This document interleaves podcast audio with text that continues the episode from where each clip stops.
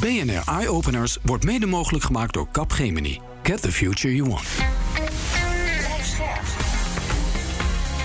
BNR Nieuwsradio.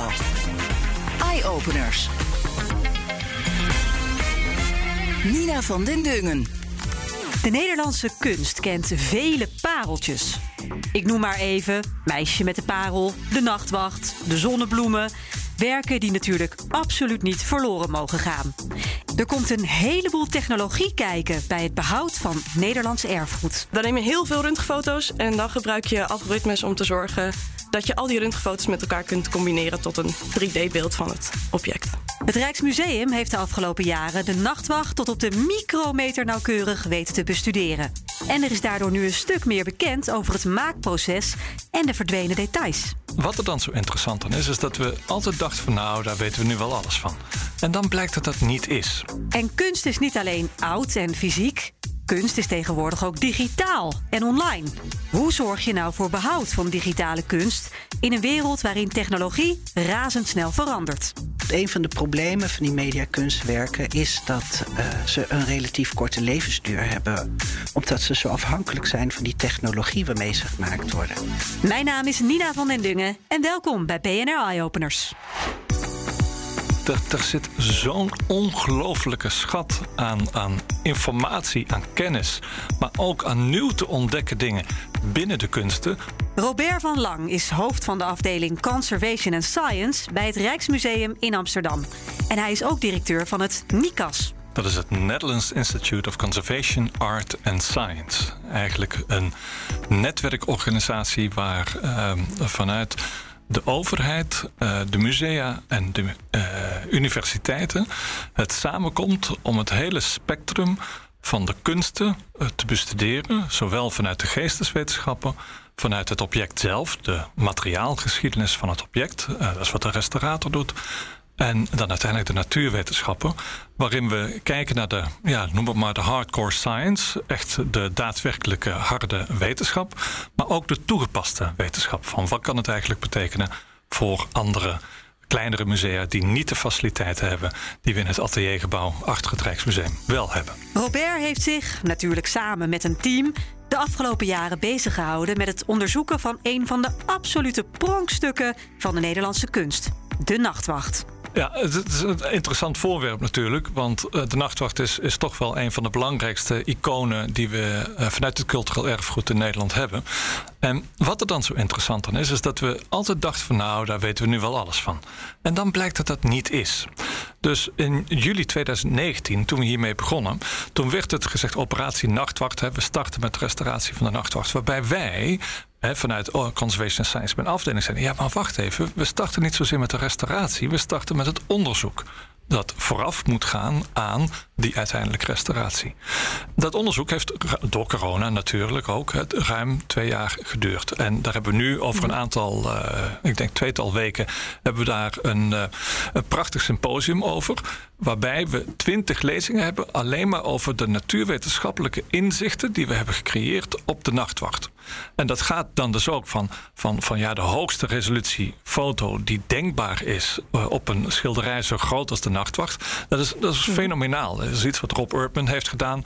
Uh, dat, dat heeft nog nooit geen enkel museum gedaan van, van zo'n groot schilderij, maar überhaupt niet die resolutie, vijfduizendste millimeter, dat men kan inzoomen op ieder willekeurige plek van het schilderij zonder dat dat verstoort aan het oog. Nou ja, dat is maar één aspect wat erin zit. Er zitten zoveel nieuwe technieken, nieuw ontwikkelde technieken, die we samen met universiteiten aan het ontwikkelen zijn. Uh, dat doen we met de Universiteit Antwerpen bijvoorbeeld, maar ook met de TU Delft, de Universiteit van Amsterdam. De, door echt te kijken van hmm. wat hebben wij nu eigenlijk nodig om te doorgronden hoe dat Rembrandt dat schilderij gemaakt heeft. En tegelijkertijd van wat zijn nu eigenlijk de, ja, de punten van verval? Wat moeten wij nu onderzoeken? Welke kennis hebben wij nodig om uiteindelijk al of niet in te grijpen in, ja, in, in de toestand van de nachtwacht? Ja. Nou, en tegelijkertijd uh, hebben we ook gezien bij de nachtwacht... dus dat er in de linkerbovenhoek, daar zaten echt golvingen in het doek. Ja, die verstoorden zodanig beeld. was ook letterlijk niet goed voor het schilderij. Dus die moesten eruit gehaald worden. Dat hebben we nu net afgerond. En het schilderij hangt weer vlak, vrijwel vlak, uh, aan de muur. En, en dat is eigenlijk de eerste fase van die restauratie. En dan hebben we nog een ander traject wat we in kunnen gaan. Waarbij we zeggen van, uh, moeten we nu het huidige vernis dat erop zit... met alle retouches die op dat vernis zitten... moeten we dat nu eraf halen, ja of nee? En dat is toch een overweging die heel zorgvuldig gemaakt wordt. En echt niet over één nacht ijs gaat. Waarbij de samenwerking tussen de conservator, de restaurator en de natuurwetenschapper heel erg belangrijk is. En waarbij we dat ook het hele Nederlandse, zelfs het, uh, het wereldse, het globale veld erin betrekken in die beslissingname. En wat bedoel jij precies met de natuurwetenschap? Hoe komt natuurwetenschap kijken bij zoiets als kunstconservatie? Uh, ik, uh, uh, Jurien van Duivenvoorde zit ik even aan, aan te denken. Uh, zij doet onderzoek naar de invloed van vocht op het transportsystemen van vocht in bijvoorbeeld panelen of in schilderijen of in, in de verf zelf. Wel nu, uh, dat betekent dat daarin, uh, ja, daar kunnen we natuurlijk een paar testen doen, maar uiteindelijk is het ook heel veel modelleerwerk. Ik denk ook aan Francine Bossema bijvoorbeeld, die, uh, die we ook zullen horen spreken, waarbij Francine vanuit de wiskunde eigenlijk gaat kijken van hoe kan je nu technieken ontwikkelen die gebruik maken van die harde wetenschap. En harde wetenschap in dit geval wiskunde, natuurkunde, chemie, scheikunde, dat zijn eigenlijk vanuit die kant dat ik dan dan uh, denken. En daar maakt Robert inderdaad een mooi bruggetje naar onze volgende gast, Francine Bossema. Zij is promovenda bij het Centrum voor Wiskunde en Informatica en het Rijksmuseum. Het Centrum voor Wiskunde en Informatica en het Rijksmuseum hebben een hele mooie samenwerking. Uh, wij doen namelijk bij het Centrum voor Wiskunde en Informatica CT-scans van kunstobjecten van het Rijksmuseum. In CT-scans zit heel veel wiskunde uh, eigenlijk verborgen. Net als in alles in het hele leven, overal zit wiskunde in. Want CT-scans werken eigenlijk uh, net als wanneer je een gebroken arm hebt en je gaat naar het ziekenhuis en je laat een foto maken, een röntgenfoto, mm dan uh, zie je het bot op de röntgenfoto. Ja. En een CT-scan is eigenlijk een heleboel röntgenfoto's van allerlei verschillende kanten. Dus waarbij je het object uh, 360 graden draait. dan neem je heel veel röntgenfoto's en dan gebruik je algoritmes om te zorgen dat je al die röntgenfoto's met elkaar kunt combineren tot een 3D-beeld van het object. Met wat voor materiaal kun je allemaal werken? Uh, ik heb voornamelijk met hout, houten beeldjes gewerkt. En dat is eigenlijk ook een goed voorbeeld. Uh, want je kunt je wel voorstellen, in hout zie je jaarringen. een boom maakt elk jaar een, een ring, een mhm. zomerhout en een winterhoutring. Um, en die hebben een verschillende dichtheid. Dus als je daar een CT-scan van maakt, dan kun je dus die jaarringen heel erg goed zien. Ja, en dan weet je dus van, van hout wanneer het uh, uh, gekapt is. Hè? Dat, dat kun je dan zien. Dus ongeveer hoe oud het hout is, waar het vandaan komt. Kun je nog meer, uh, nog meer soorten gebruiken? Dus niet alleen hout, maar. Ja, zeker. We kunnen eigenlijk bijna alles wel scannen. Maar dat is wel ook de uitdaging van mijn onderzoek. Elk materiaal brengt zijn eigen uitdagingen met zich mee. Je moet bij elk materiaal kijken wat zijn de beste instellingen van mijn röntgenbron. Hoe kan ik dit scannen? En zeker bij kunstobjecten, want die hebben ook nog de uitdaging dat ze altijd weer een andere vorm hebben. Uh, dus als je een mens scant, dat is elke keer ongeveer dezelfde vorm. Uh, maar die kunstobjecten die gaan echt van, van schilderijen die heel plat zijn uh, naar beelden. en die kunnen ook heel groot zijn. Ja. Wat het best wel ingewikkeld maakt soms. Um, maar we scannen zeker ook uh, andere objecten. Eigenlijk het enige wat echt ingewikkeld is, is metaal. Omdat dat röntgenstraling bijna uh, tegenhoudt, waardoor je schaduwen krijgt uh, en niet goed kan zien wat erachter zit. En wat voor onderzoeken kun je dan zoal uitvoeren? Want je hebt dan een, ja, een beeld, een volledig 3D-beeld. En, en daarbij ook dat je hem echt kan doorzagen, zodat je de binnenkant kan zien. Wat heb je daaraan? Wat kun je daar allemaal uit aflezen? Ja, er zijn eigenlijk drie belangrijke dingen. De ene is um, voor conservatie. In welke staat is het? En moet het misschien gerestaureerd worden? Uh, een tweede is de authenticiteit. Wie heeft het gemaakt? En ten derde mm -hmm. is hoe is het gemaakt? En van hoe bedoel je? Wat voor materialen zitten erin? Hoe is het opgebouwd? Hoe ziet het eruit? Ja, en bijvoorbeeld in het geval van een uh, stel, we hebben een terracotta beeldje, dus aardewerk. Uh, dan is de vraag bijvoorbeeld: uh, is dit uit tweedelig gemaakt? Is het in twee mallen gemaakt en dan tegen elkaar aangeplakt? Of is het een massief beeldje en is het in één keer geboetseerd? Dat zijn dan vragen die we kunnen zien op de CT-scan. Uh, want als je erin kunt kijken, kun je zien of het bijvoorbeeld hol is. Een CT-scanner, die heb je dan staan in het Centrum voor Wiskunde en Informatica. Is dat echt zo'nzelfde scanner als bijvoorbeeld in het ziekenhuis? Nee, we hebben een uh, laboratoriumscanner. Dus in het ziekenhuis uh, heb je de, dat de patiënt eigenlijk ja, in zo'n buis gaat. Hè, en dan draait de röntgenbron en de detector die opvangt hoeveel straling er nog is uh, nadat het door het lichaam is gegaan. die draaien om de patiënt heen, want dat is wel zo prettig voor een patiënt. alleen je hebt veel meer flexibiliteit als je het omdraait. Dus bij ons gaat het object op een rotatietafel. En dan draait het object in plaats van dat de bron en de detector draaien. En dat geeft ons veel meer flexibiliteit in de verschillende dingen die we kunnen testen. Want soms wil je bijvoorbeeld niet alleen draaien, maar ook van links naar rechts of, of dat soort um, andere banen uitproberen. En dat, dat is de flexibiliteit die we hebben met de scanner op het uh, CWI. Ja, nou ja, dan werk je met röntgen, dus dan is het non-invasief. Is het dan inderdaad helemaal niet schadelijk voor zo'n fragiel iets als een als een historisch kunstobject? Ja, daar is nog weinig onderzoek echt naar gedaan. Uh, omdat het ook zo verschilt. Omdat je steeds een heel ander object hebt en steeds heel andere materialen in dat object. Uh, maar voor zover we weten en gezien hebben, uh, is het niet, heel, niet schadelijk. we hebben nog geen um, problemen gezien. Ook komt dat doordat het object um, niet leeft. We scannen geen levende objecten. En die röntgenstraling is nee. voornamelijk schadelijk voor cellen, zoals in het menselijk lichaam, die kapot kunnen gaan. Francine heeft al verschillende objecten uit de collectie van het Rijks mogen scannen. Ze noemt één van haar favorieten. Een object dat ik heel gaaf vind, dat we eigenlijk net in de scanner hebben gehad, dat heel erg op mijn wensenlijstje stond ook, uh, is een, ja, het is een schoen, maar het is ook een walvis. Ja. En de staart kan eraf en dan is het een fles, dus daar zit een kurk in. Dus ik kan je aanraden om die even op te zoeken. Hij staat op de website. Als je walvisfles Rijksmuseum doet, dan uh, kun je hem vinden. Dat, dat levert zoveel vragen op. Van waarom zou je zoiets maken? Dat, je kan het dus niet aan als schoen. Wordt het werd het gebruikt als fles? En uh, hoe, is, hoe is dit in elkaar gezet? Theorie is dat het wellicht een uh, meesterproef was voor een leerling schoenmaker... om te laten zien hoe goed hij alle technieken beheerste dat soort vragen vind ik heel interessant. Dus dat, ja, ik vind vooral ook de. De, vooral de techniek erachter vind je dus heel interessant. Hoe ja, zit dat in elkaar? Dat vind ik zeker heel erg interessant. Zeker bij zo'n object dat zo uh, verbazing oplevert van. Wat is dit? Het is niet heel duidelijk. Waarom, waarom zou je zoiets maken? Dat vind ik leuk. Hey, een ander heel gaaf object dat je hebt mogen scannen is de Hugo de Groot kist. Die kist waarin Hugo de Groot werd, uh, nou ja, waarin hij ontsnapte, toch? Een boekenkist, was dat het? Ja, dat klopt. Hij heeft op een gegeven moment de, de boeken eruit gehaald en is er zelf uh, ingeklommen. En zo is hij ontsnapt uit uh, slot Loevestein. En uh, ja, die kist hebben we inderdaad in de scanner gehad. alleen hij was veel te groot om te kunnen roteren om een volledige CT-scan te maken. Dus uiteindelijk hebben we nou ja, wat slimme technieken moeten toepassen om toch die kist goed in, in beeld te kunnen brengen. Ja, wat heb je dan gedaan? Het idee was dat we de jaringen wilden kunnen zien om te kijken of we die kist konden dateren. Want als uh, het hout van de kist na de ontsnappingsdatum was, dan weet je zeker dat het niet de kist kan zijn. Dus wat we wilden doen was de jaringen goed in beeld brengen. Uh, en in plaats van dat we dus de kist helemaal rondgedraaid hebben, hebben we hem alleen uh, van links naar rechts verplaatst.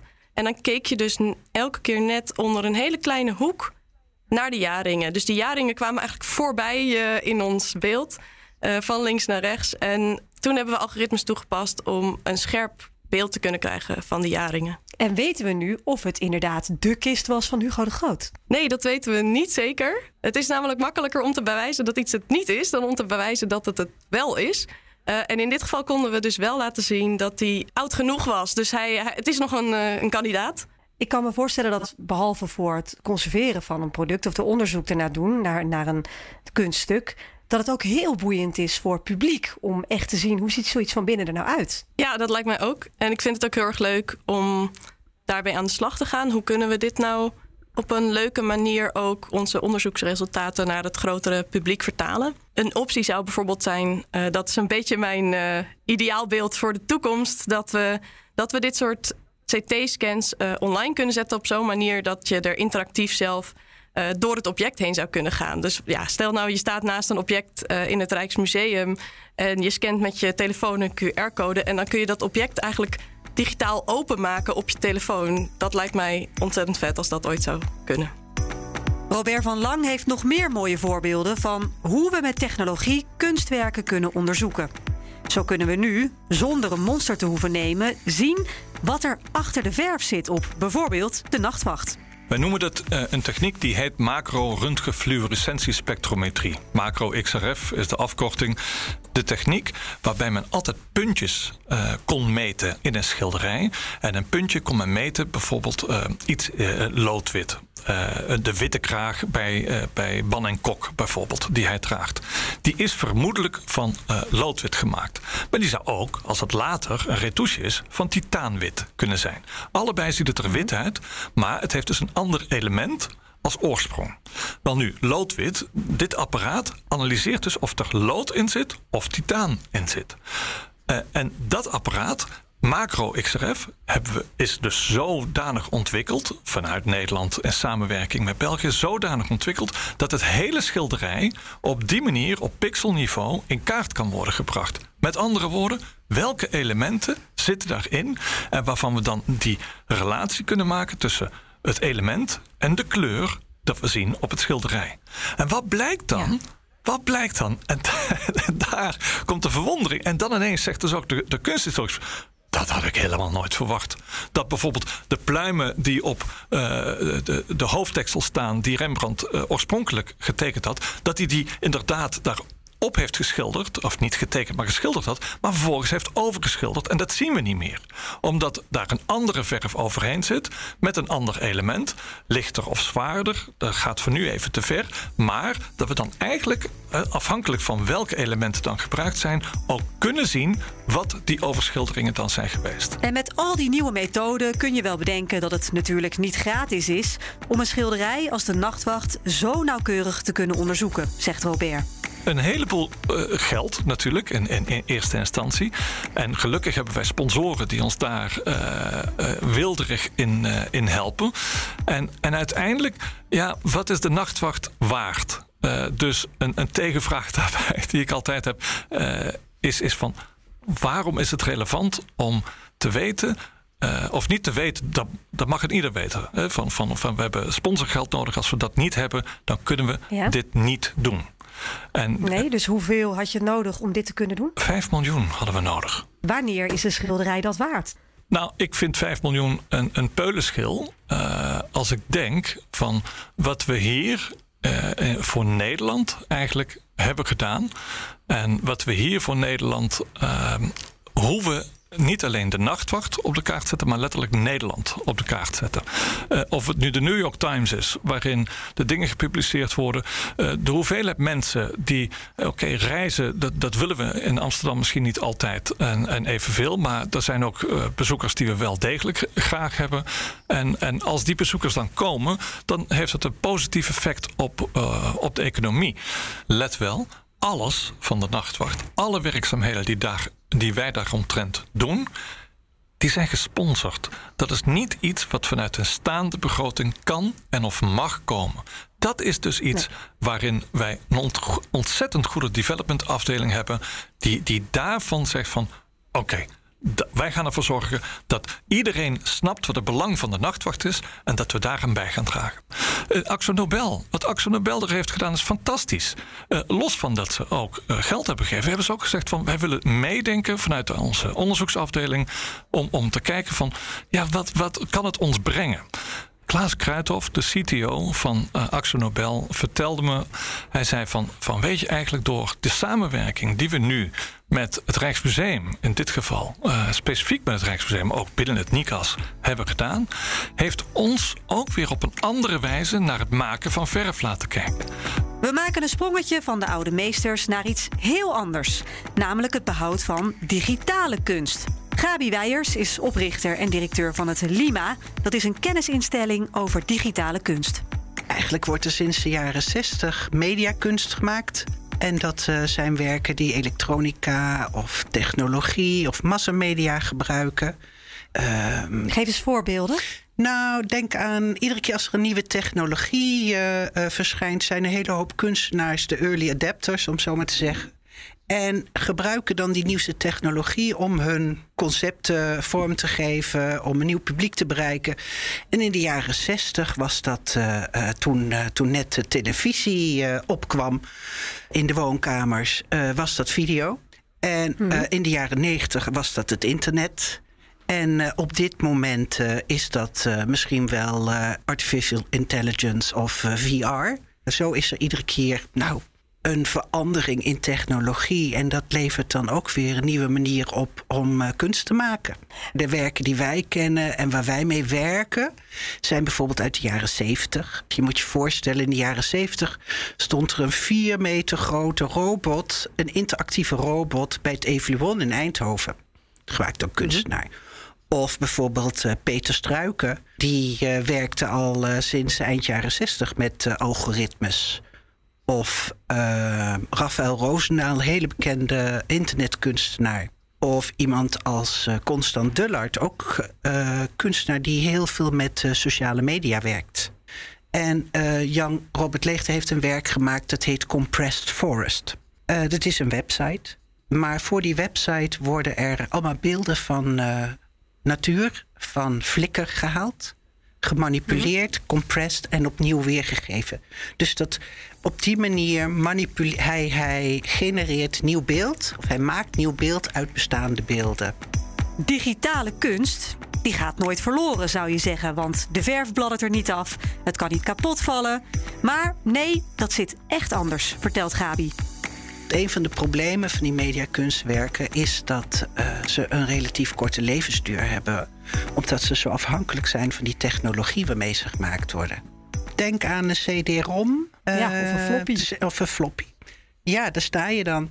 Uh, die zult een, je hebt een apparaat nodig om, om het te kunnen lezen. Als je al het apparaat hebt, dan uh, wil je het misschien overzetten naar een, uh, naar, een, naar een andere leesbare vorm met hedendaagse technologie. Maar je wilt wel dat wat er op die floppy of op die CD-ROM staat, zo dicht mogelijk bij het origineel blijft. Zo authentiek ja. mogelijk blijft. En Hoe daar je heb dat? je. Ja, dat, dat kan als je het heel goed, als je weet hoe het origineel was. En als het, als het gedocumenteerd is. Dus dat is ook wat wij doen. We slaan het zoveel mogelijk op.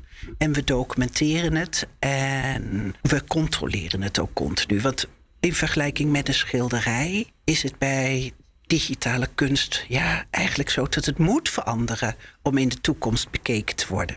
Ja. Omdat die technologie. je zou kunnen zeggen, je zet alles in de cloud. Want dan kan iedereen erbij. En uh, als het op het internet staat, dan gaat het nooit meer weg, toch? Dat is een beetje de leus. Ja, voor hoe lang is de vraag, hè? Je kan uh, je, kan je hele archief op uh, Facebook zetten of op een ander platform. Maar op een gegeven moment is dat uit de lucht. Daar kan je, kan je donder op zeggen. En verder is het zo dat kunstenaars natuurlijk wel het werk online zetten. Maar het werk heeft ook heel veel onderhoud nodig om goed te blijven werken. Want ook als het online staat, dan gaat die browser krijgt een nieuwe update of die plugin doet het niet meer en daardoor verandert het hele functioneren van het werk en heb je eigenlijk een incompleet werk of een werk wat, uh, ja, wat niet goed bekeken meer kan worden of ervaren nee. kan worden. Hè. Ik zeg bekeken, maar je hebt natuurlijk ook heel veel werken die gebaseerd zijn op geluid of op sensoren. En hoe ga je dan te werk als je echt digitale kunst wil conserveren? Um, er zijn uh, verschillende manieren om dat te doen. Ik, ik noemde net al even documentatie. Dat is natuurlijk het contact met de kunstenaar vaak. Hè, om uh, te horen hoe het gemaakt is en wat, wat, wat nu eigenlijk het concept is. Wat, het ker wat de kern is van het werk. En dan het werk opslaan. Je kan het migreren naar een ander formaat. Je kan het emuleren. Dat is dat je het eigenlijk uh, imiteert. Of je kan het Namaken. documenteren en op ja, namaakt. Of je kan het documenteren en opnieuw uitvoeren. Dat zijn eigenlijk de grote, grote lijnen in de, in de conservering. En afhankelijk van het werk kijk je uh, hoe dat kan gebeuren. Dat betekent dus ook dat die conservering van digitale kunst eigenlijk best wel uh, maatwerk is. En niet uh, in grote hoeveelheden standaard achter elkaar kan gebeuren. Zoals bijvoorbeeld een koninklijke bibliotheek of een heel groot archiefwerk. Die wil alles het liefst zoveel mogelijk gestandaardiseerd hebben. Hmm. Want dan kan het makkelijk verwerkt worden. En dat is bij, ja, dat is bij kunst niet het geval. In hoeverre kan digitale kunst dan net zoveel waard zijn als fysieke kunst? Ja, er is natuurlijk een hele uh, categorie fysieke kunst waarmee gespeculeerd wordt. En uh, waar uh, hele hoge bedragen voor betaald worden. dat is bij digitale kunst ook. Zeker nu de laatste tijd met de NFT's. Maar er is ook een heel deel in het kunstcircuit wat niet zozeer gaat over de verkoopwaarde. Maar wat gaat over, over een, uh, een project, een proces, een onderzoek, uh, maatschappijkritiek. En niet, niet ja, geen amusement, maar wel een, uh, een verhaal, een andere kijk, een andere blik. Er bestaat natuurlijk heel veel kunstwerken. En ook, dat geldt ook voor fysieke kunst, die helemaal niet in een verzameling, behalve die van de kunstenaar zelf, komen. Dat wil niet zeggen dat het uh, uh, kwalitatief minder is. Maar dat uh, zegt dat er misschien minder oog voor is of minder, het minder verhandelbaar wordt geacht. Dit was hem weer voor deze week. Volgende week kijken we naar batterijtechnologie. Accu's en batterijen worden namelijk steeds belangrijker in de energietransitie. Maar die halen we nu vaak vanuit China. Die afhankelijkheid, daar moeten we vanaf. En natuurlijk ook, de technologie moet beter. Dat hoor je allemaal volgende week. Ik ben Nina van den Dungen en graag tot dan. BNR Eye Openers wordt mede mogelijk gemaakt door Capgemini. Get the future you want. Bij BNR ben je altijd als eerste op de hoogte van het laatste nieuws. Luister dagelijks live via internet. Jelle Maasbach. Wesley Weert. We zijn er voor je met het leukste, opvallendste, maar natuurlijk ook het belangrijkste nieuws. Tijdens de presentatie van die halfjaarcijfers toen die beurskoers in elkaar kukkelde. BNR Beurs. Voor de slimme belegger. Blijf scherp en mis niets.